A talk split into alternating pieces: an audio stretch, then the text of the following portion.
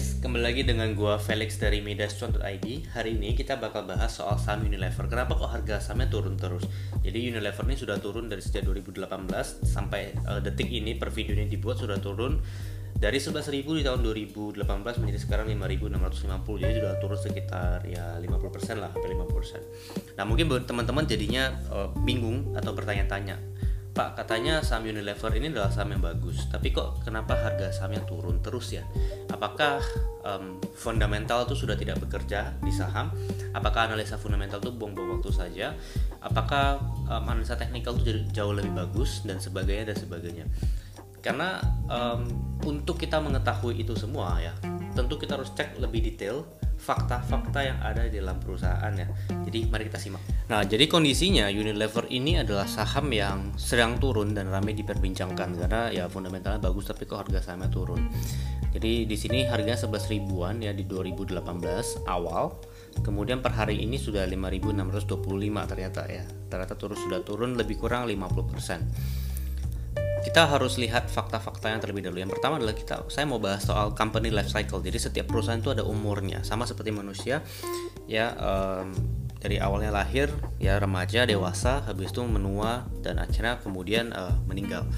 Nah, perusahaan juga sama, ada life cycle-nya. Yang pertama adalah ketika perusahaan di fase introduction stage. Jadi perusahaan-perusahaan yang masuk dalam fase ini adalah startup. Perusahaan yang baru mulai, ya baru uh, mencoba mengcapture market, ya dan biasanya salesnya masih kecil kemudian costnya gede karena kan butuh investasi banyak beri peralatan kemudian sumber daya manusia dan sebagainya. Kemudian profitnya tipis ya profitnya sangat, sangat kecil dan uh, biasanya nggak ada. Nah lalu ya lalu oh sorry. Lalu perusahaan yang setelah uh, introduction phase ya dia akan masuk kepada fase growth stage ya. Growth stage ini adalah perusahaan yang dia sudah lebih baik ya dibandingkan uh, introduction. Kebiasaan introduction kan masih kecil nih sales ya jadi hasil investasinya itu sudah mulai kelihatan di growth stage. Jadi kelihatan bahwa salesnya itu udah mulai meningkat profitnya sudah mulai ada ya. Kemudian cost sudah bisa diturunkan ya sudah menemukan formula lah untuk bisa berkembang lebih jauh. Nah tapi pertumbuhan di growth stage ini nggak akan selamanya pasti akan one day masuk ke dalam fase mature ya maturity stage. Di mana ketika maturity stage ini ini datang um, penjualannya biasanya akan stagnan atau bertumbuh bertumbuh tapi sangat-sangat tipis ya. Kemudian costnya juga uh, sudah ketemu uh, caranya untuk mengefisiensi cost. Jadi salah satu satu satu satunya cara untuk meningkatkan profit adalah mengefisiensi uh, pengeluaran dari perusahaan. Bukan dari peningkatan sales lagi ya mungkin profit masih ada cuma bertumbuh tapi dengan sangat-sangat tipis ya kemudian setelah ini akan masuk ke dalam fase decline ya. Jadi perusahaan yang sudah mature itu akan decline di mana di sini um, salesnya sudah sudah mulai menurun. Dia dia nggak meningkat lagi salesnya. Dia salesnya sudah mulai turun. Kemudian uh, costnya itu sudah mulai uh, lebih kurang sama ya. Jadi dia sudah uh, maksudnya udah pakem lah costnya bakal segini aja. Kemudian karena costnya bakal segitu aja uh, salesnya turun otomatis profitnya juga makin makin lama makin turun Nah, tapi bedanya perusahaan dengan manusia, perusahaan itu ada bisa life cycle extension. Jadi dia bisa menambah umurnya. Ya, jadi ketika dia masuk ke dalam fase decline ya, um, sebelum decline, perusahaan melakukan satu uh, perubahan atau inovasi baru atau penetrasi pasar baru sehingga perusahaan kembali lagi ke fase growth stage. Ya, jadi um, ini adalah company life cycle. Jadi kita harus melihat uh, dari kacamata ini terlebih dahulu. Nah, mari kita lihat dari Unilever dari sisi penjualannya Oke, ini kita rangkum penjualan dari 2008 sampai 2020 dan kita melihat bahwa penjualan Unilever ini stagnan 3 tahun terakhir cuma naik sekitar 1,4% per tahun. CAGR-nya adalah compounded annual growth rate ya. Lebih kurang kayak eh, rata-rata uh, pertumbuhan per tahun ya. Jadi uh, pertumbuhan per tahunnya rata-rata dalam tiga tahun terakhir itu cuma 1,4 persen. Jadi cuma bertumbuh 1,4 persen jauh di bawah uh, pertumbuhan ekonomi kita ke Indonesia. Kemudian lima tahun terakhir pertumbuhan cuma 3,3 persen rata-rata per tahun. Nah, tapi kalau misalnya kita tarik 10 tahun terakhir, pertumbuhannya itu 8% per tahun. Artinya apa? Artinya ada perlambatan ya perlambatan dari pertumbuhannya Unilever dari sisi penjualan karena penjualan Unilever 10 tahun terakhir um, itu rata-rata pertumbuhan 8% tapi lima tahun terakhir kita tarik lebih pendek itu cuma 3 persen 3,3 persen tapi kalau misalnya kita tarik lebih pendek lagi di tiga tahun terakhir rata-rata pertumbuhan cuma 1,4 persen. Jadi kita bisa bilang bahwa penjualan Unilever ini dalam 5, 3 sampai 5 tahun terakhir itu memang sudah stagnan, ya sudah sudah cukup stagnan. Nah kemudian kalau misalnya kita lihat dari labanya, kok tadi kan di penjualan, sekarang kita lihat dari laba, laba Unilever juga lebih kurang memiliki gambar yang sama. Ya tiga tahun terakhir cuma bertumbuh 0,75 persen, nggak nyampe 1 persen bahkan rata-rata per tahun. Kemudian CAGR 5 tahun terakhir juga cuma 4 persen 10 tahun terakhir cuma 7,8% sama ya gambarnya sama itu ada perlambatan. Nah kok 2018 ini tiba-tiba meningkat? Ya ini bukan karena um, Unilever ini dari sisi operasional meningkat ya bukan. Tapi karena dia menjual merek Blue Band ke KKR KKR itu yang investasi ke saham AISA. Jadi menjual 2,9 triliun uh, merek Blue Band tersebut. Jadi Blue Band itu sudah bukan merupakan bagian dari Unilever. Ya jadi dari sini kita melihat gambar antara penjualan dan dan labanya sebenarnya sama-sama aja. Ada perlambatan dalam 3 sampai 5 tahun terakhir. Nah, lalu seberapa bagus sih Unilever yang kita lihat sekarang? Um, pertama untuk melihat bisnis ya. Jadi kalau dalam membership itu kita selalu cerita, selalu ajarkan dan selalu sharingkan bahwa untuk kita melihat suatu bisnis itu itu nggak hanya lihat harganya. Jadi biasanya orang tuh langsung lihat harga per sama PBV. Tapi paling penting sebenarnya lihat kualitas bisnisnya dulu apakah perusahaan ini bagus atau tidak. Ya, untuk menilai kualitas bisnis salah satu caranya dan sebenarnya cara paling penting adalah menilai ROE-nya, melihat ROE-nya, return on equity. Nah, return on equity Unilever selama 2008 sampai 2020 ini memang fantastis, ya di atas 100% lebih. Dan nggak ada satupun perusahaan di bursa, di bursa efek yang mampu mendekati tingkat pengembalian modalnya Unilever. Jadi ini ROE ini adalah kan return equity. Jadi setiap modal yang ditanamkan di Unilever berapa returnnya kepada pemegang saham. Jadi um, ini adalah um, angka matriks kunci lah untuk menemukan sebuah perusahaan yang berkualitas.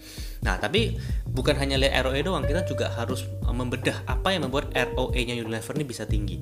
Nah, kalau misalnya kita membedah ROE, kita bisa bedah menjadi net profit margin, efisiensi ya dari aset turnover kemudian ketiga adalah financial leverage aset dibagi dengan equity nah jadi tujuannya kenapa untuk membedah ROE ini tujuannya supaya kita mengetahui sumber uh, tingginya ROE Unilever itu apa Ya, jadi kita nggak nggak pengen uh, dia tinggi, ROE-nya tinggi cuma karena utangnya gede, financial leverage-nya gede. Nah, kita nggak mau. Nah, that's why kita harus breakdown. Nah, kenapa ROE bisa tinggi atau rendah? Kita membedah ya breakdown ROE tadi menggunakan analisis Dupont namanya. Jadi dari rumus dasar ROE itu ada net profit ya, laba bersih perusahaan dibagi dengan equity, modal perusahaan. Nah, kalau misalnya kita kalikan aset per aset dan kita kalikan sales per sales ya, jadi kan ini sebenarnya sama kan.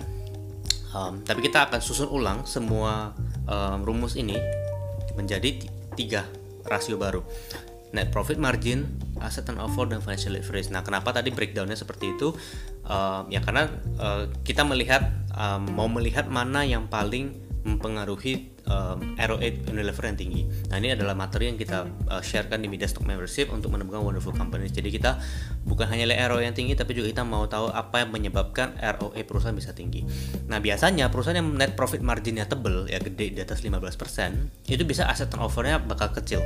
ya. Jadi sama lah kayak perusahaan-perusahaan yang bisa properti BSD kayak uh, contohnya BSD waktu booming properti uh, dia net profit marginnya bisa 40% aset turnover perputaran perputaran asetnya itu cuma sekitar 0,2 kali 0,3 kali. Jadi kalau misalnya perusahaan-perusahaan yang dia punya profit margin itu tebel ya kita bisa memaafkan kalau misalnya um, perputaran asetnya nggak sekencang itu. Tapi kalau misalnya biasa perusahaan-perusahaan yang marginnya itu tipis ya margin tipis biasanya aset turnovernya itu bakal kencang perputaran aset itu bakal kencang nah kemudian selain itu juga ada faktor lain yaitu financial leverage ya utang tadi Nah, utang ini kok bisa sebisa mungkin kita mencari perusahaan-perusahaan yang ROE-nya tinggi itu bukan karena utang. Jadi, kalau saya ada perusahaan yang NPM-nya kecil, ya misalnya ROE-nya tinggi nih, NPM-nya kecil, aset turnover-nya kecil, ya berarti margin kecil, perputaran modalnya juga kecil, perputaran aset juga kecil.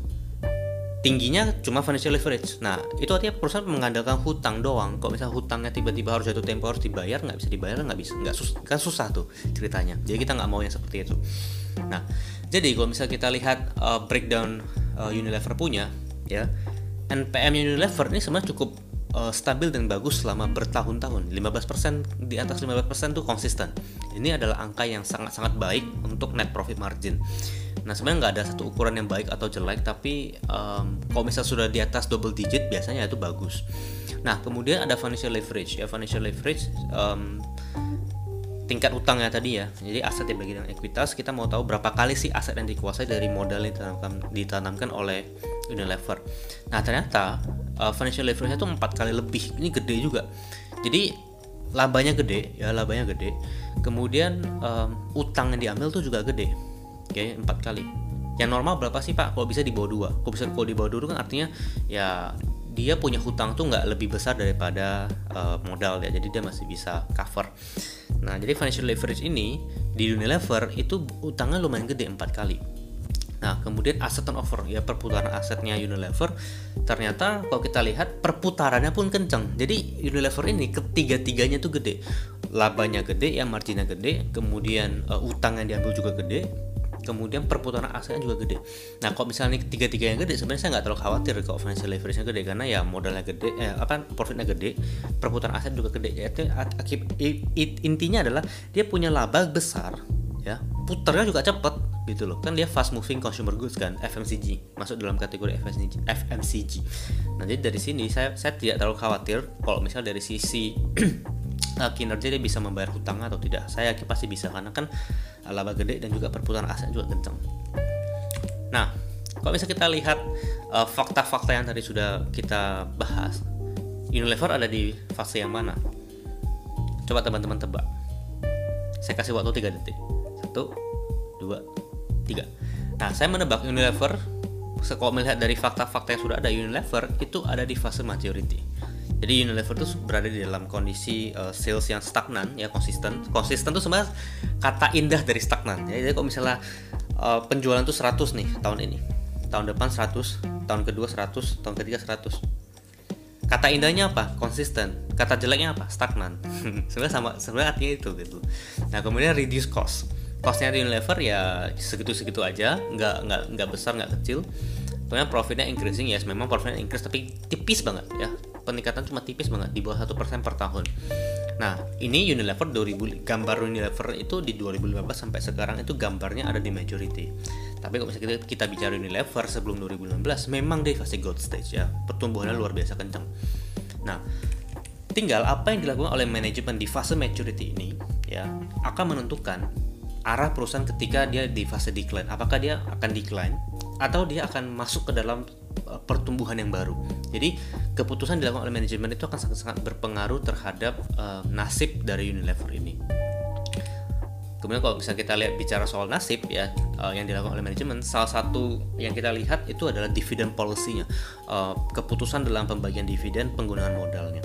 Jadi ya kita melihat dari uh, gambaran ini dari tahun 2008 sampai 2019 kita melihat merekap semuanya dividen dan laba ditahan Unilever. Jadi hampir setiap tahun ya ini yang warna biru muda Unilever tuh bagi dividen seluruhnya dari sejak 2008 sampai sekarang perdata ini ada ya. Jadi itu sudah sudah uh, membagi seluruh labanya uh, kepada pemegang saham.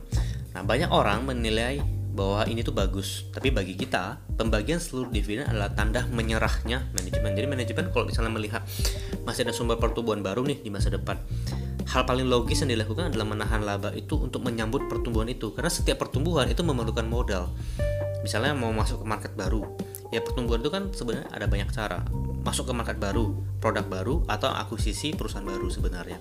Nah, yang paling berbahaya berisiko tinggi adalah mengakuisisi perusahaan baru karena belum tentu cocok ya kok bisa masih masuk ke market baru Unilever perlu penetrasi market baru. Misalnya Unilever di Indonesia kan cuma marketnya di Indonesia, nggak bisa Unilever itu ke luar negeri. Karena kan ya brand di luar negeri yang pegang yang di luar negeri punya Unilever luar negeri. Tapi kalau misalnya yang Unilever Indonesia yang pegang ya Indonesia.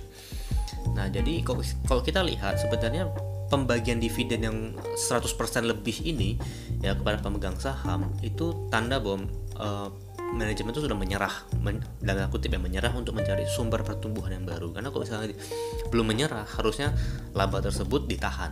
Ya itu itu logikanya.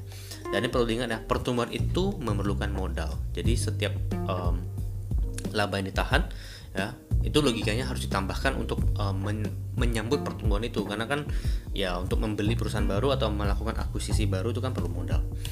Nah lalu apa yang dilakukan oleh manajemen ya ini saya ambil dari public expose uh, ada satu pertanyaan yang cukup uh, nyentil nih. Apakah terdapat rencana untuk akuisisi brand baru dan di segmen apa? Jadi ini sebenarnya pertanyaan kepada growth ya growth dan Unilever. Karena investor ini sudah tahu bahwa um, setiap orang yang intact dengan Unilever itu pasti tahu bahwa growth Unilever itu sudah mulai stagnan konsisten ya. Jadi udah udah mulai konsisten ya stagnan nah berkaitan dengan, kesempatan akuisisi ini yang dijawab oleh manajemen ya. Berkaitan dengan kesempatan akuisisi kami selalu melihat portofolio transformasi dari merek-merek kami dan kami selalu melihat jika terdapat kesempatan untuk memperkaya produk dan merek-merek kami.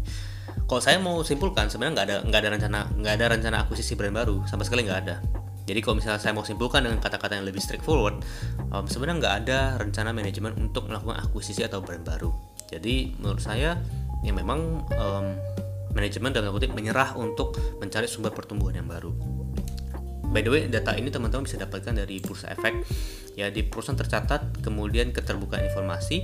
Nah, teman-teman yang ketikkan Unilever dan ketik uh, kata kunci public expose. Habis itu teman-teman cari yang di lampiran 2 ya. Nah, nanti muncul ini ada pertanyaan-pertanyaan ditanyakan oleh uh, investor ataupun media kepada Unilever. Nah, jadi uh, apakah bagus atau jelek ya sebenarnya um, dibilang jelek juga enggak, dibilang bagus juga enggak gitu. Uh, karena dibilang jelek ya Unilever mau bertumbuh seperti apa lagi? Belum belum ada brand baru yang bisa ya bisa masukkan ke portofolio kan. Kalau dibilang bagus juga ya sebenarnya nggak bagus karena ya sudah stagnan. Nah lalu ya Unilever ini memang selalu dihargai dengan mahal. Kalau teman-teman lihat per dan PBV nya memang secara historis itu memang cukup tinggi ya. Waktu di harga 11 ribuan itu pernya itu sekitar ya 60 kali pernya sekitar 60 kali. Lalu kalau misalnya sekarang tuh kan per sekitar 30 kali ya. Kok PBV-nya juga sama per PBV-nya juga 60 30 kali gitu. Jadi kita melihat um, meskipun Unilever ini punya ROE yang sangat-sangat tinggi laba yang gede kemudian um, perputaran modal yang yang yang kenceng ya. Bagus perusahaannya bagus. Nggak ada satu perusahaan pun yang bisa menyamai tingkat profitabilitasnya Unilever. Tapi um, harganya juga mahal. Jadi ibaratnya seperti ini. Barang bagus ya kok misalnya misalnya gini lah. Kita mau beli mobil Mercy nih. Mercy bagus nggak? Bagus. Setiap siapa pun yang lihat mobil Mercy ya itu pasti bagus. Nyamannya bagus suspensinya bagus mesinnya bagus. Kemudian rangkanya bagus semuanya bagus. Mereknya bagus peratnya bagus semuanya bagus. Tapi kalau misalnya kita beli Mercy dengan harga Ferrari ya itu nggak masuk akal. Mau sebagus apa pun Mercy-nya. Mercy ya Mercy Ferrari ya Ferrari itu beda kelas. Benar-benar beda kelas. Dan sama Unilever. Kalau misalnya kita membeli Mercy tadi dengan harga Ferrari itu nggak masuk akal. Yang kita pengen adalah beli Mercy ya harga Mercy atau enggak lebih murah daripada Mercy tersebut. Jadi uh, kalau misalnya kita bicara fundamental udah nggak works. Well, coba kita lihat perusahaan-perusahaan yang punya per yang setidak masuk akal 60 kali, 50 kali. Ya, simply mungkin orang lupa uh, tiga prinsip utama ketika Midas beli saham. Ya tiga prinsip. Pertama adalah membeli perusahaan yang bagus. Apakah Unilever perusahaan yang bagus? Yes perusahaan yang bagus. Yang kedua adalah membelinya di harga yang bagus. Apakah harga 60 kali per 50 kali per adalah harga yang bagus? Enggak bagus. Kenapa? Kemahalan. Oke, kemahalan dari sisi pertumbuhannya, kemahalan dari sisi uh, bisnisnya. Mau sebagus apa pun Mercy itu, ya Mercy ya Mercy, bukan Ferrari.